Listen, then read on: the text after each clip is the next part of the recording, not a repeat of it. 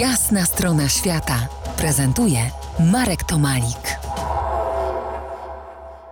Po jasnej stronie świata Kamil Filipowski, łowca biegunów zimna. Dobrze, to zdradź nam, gdzie jest ten polski biegun zimna, bo wbrew pozorom, tak jak powiedziałeś wcześniej, to nie suwałki. To nie są suwałki, nie są, nie jest to też hala izerska, nie są to Bieszczady, ani torfowisko w rejonie Czarnego Dunajca, czyli takie rejony, które dotychczas były uważane za bieguny zimna przez tych takich bardziej dociekliwych. Okazuje się, że również Tatry posiadają swoje mrozowiska. Tatry są najwyższe w Polsce, a jako, że wysokość nad poziomem morza tutaj odgrywa dużą rolę, to właśnie tam uznaliśmy, że tam należy szukać potencjalnego biegunu zimna Polski. Będąc zainspirowani pomiarami, tutaj badaniami alpejskich nozowisk, uznaliśmy, że właśnie tutaj Tatry to właściwy kierunek. Zdradź nam proszę teraz yy, Dobra, to, chodzi to miejsce konkretne, ten biegun zimna. Litworowy, litworowy kocioł rozpatrywany jako mrozowisko całoroczne i potencjalny konkurent sąsiedni kocioł, mułowy kocioł. Jest bardziej kamienisty, przez co w lecie no, nagrzewa się trochę od tych skał. Natomiast w zimie jest szansa, że będzie tutaj rywalizował o ten rekord zimna Polski. No i teraz liczby powinny jakieś paść. Jakie tam są temperatury w tym litworowym? Potencjał myślę, tak oceniam na minus 10 w środku lata w litworowym kotle.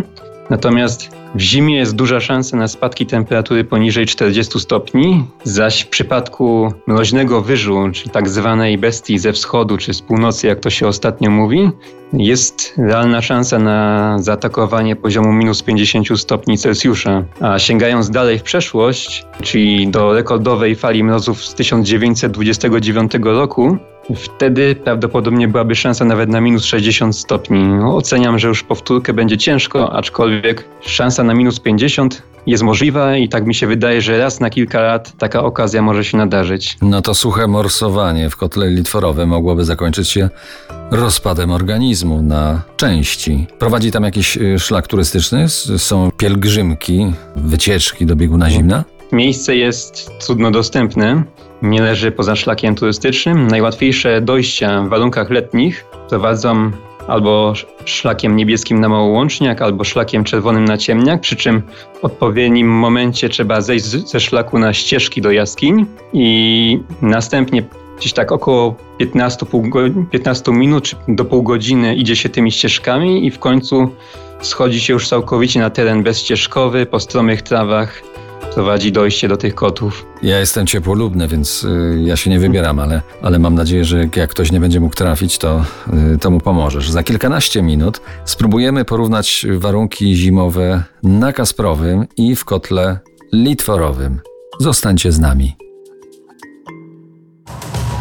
To jest jasna strona świata w RMS Classic.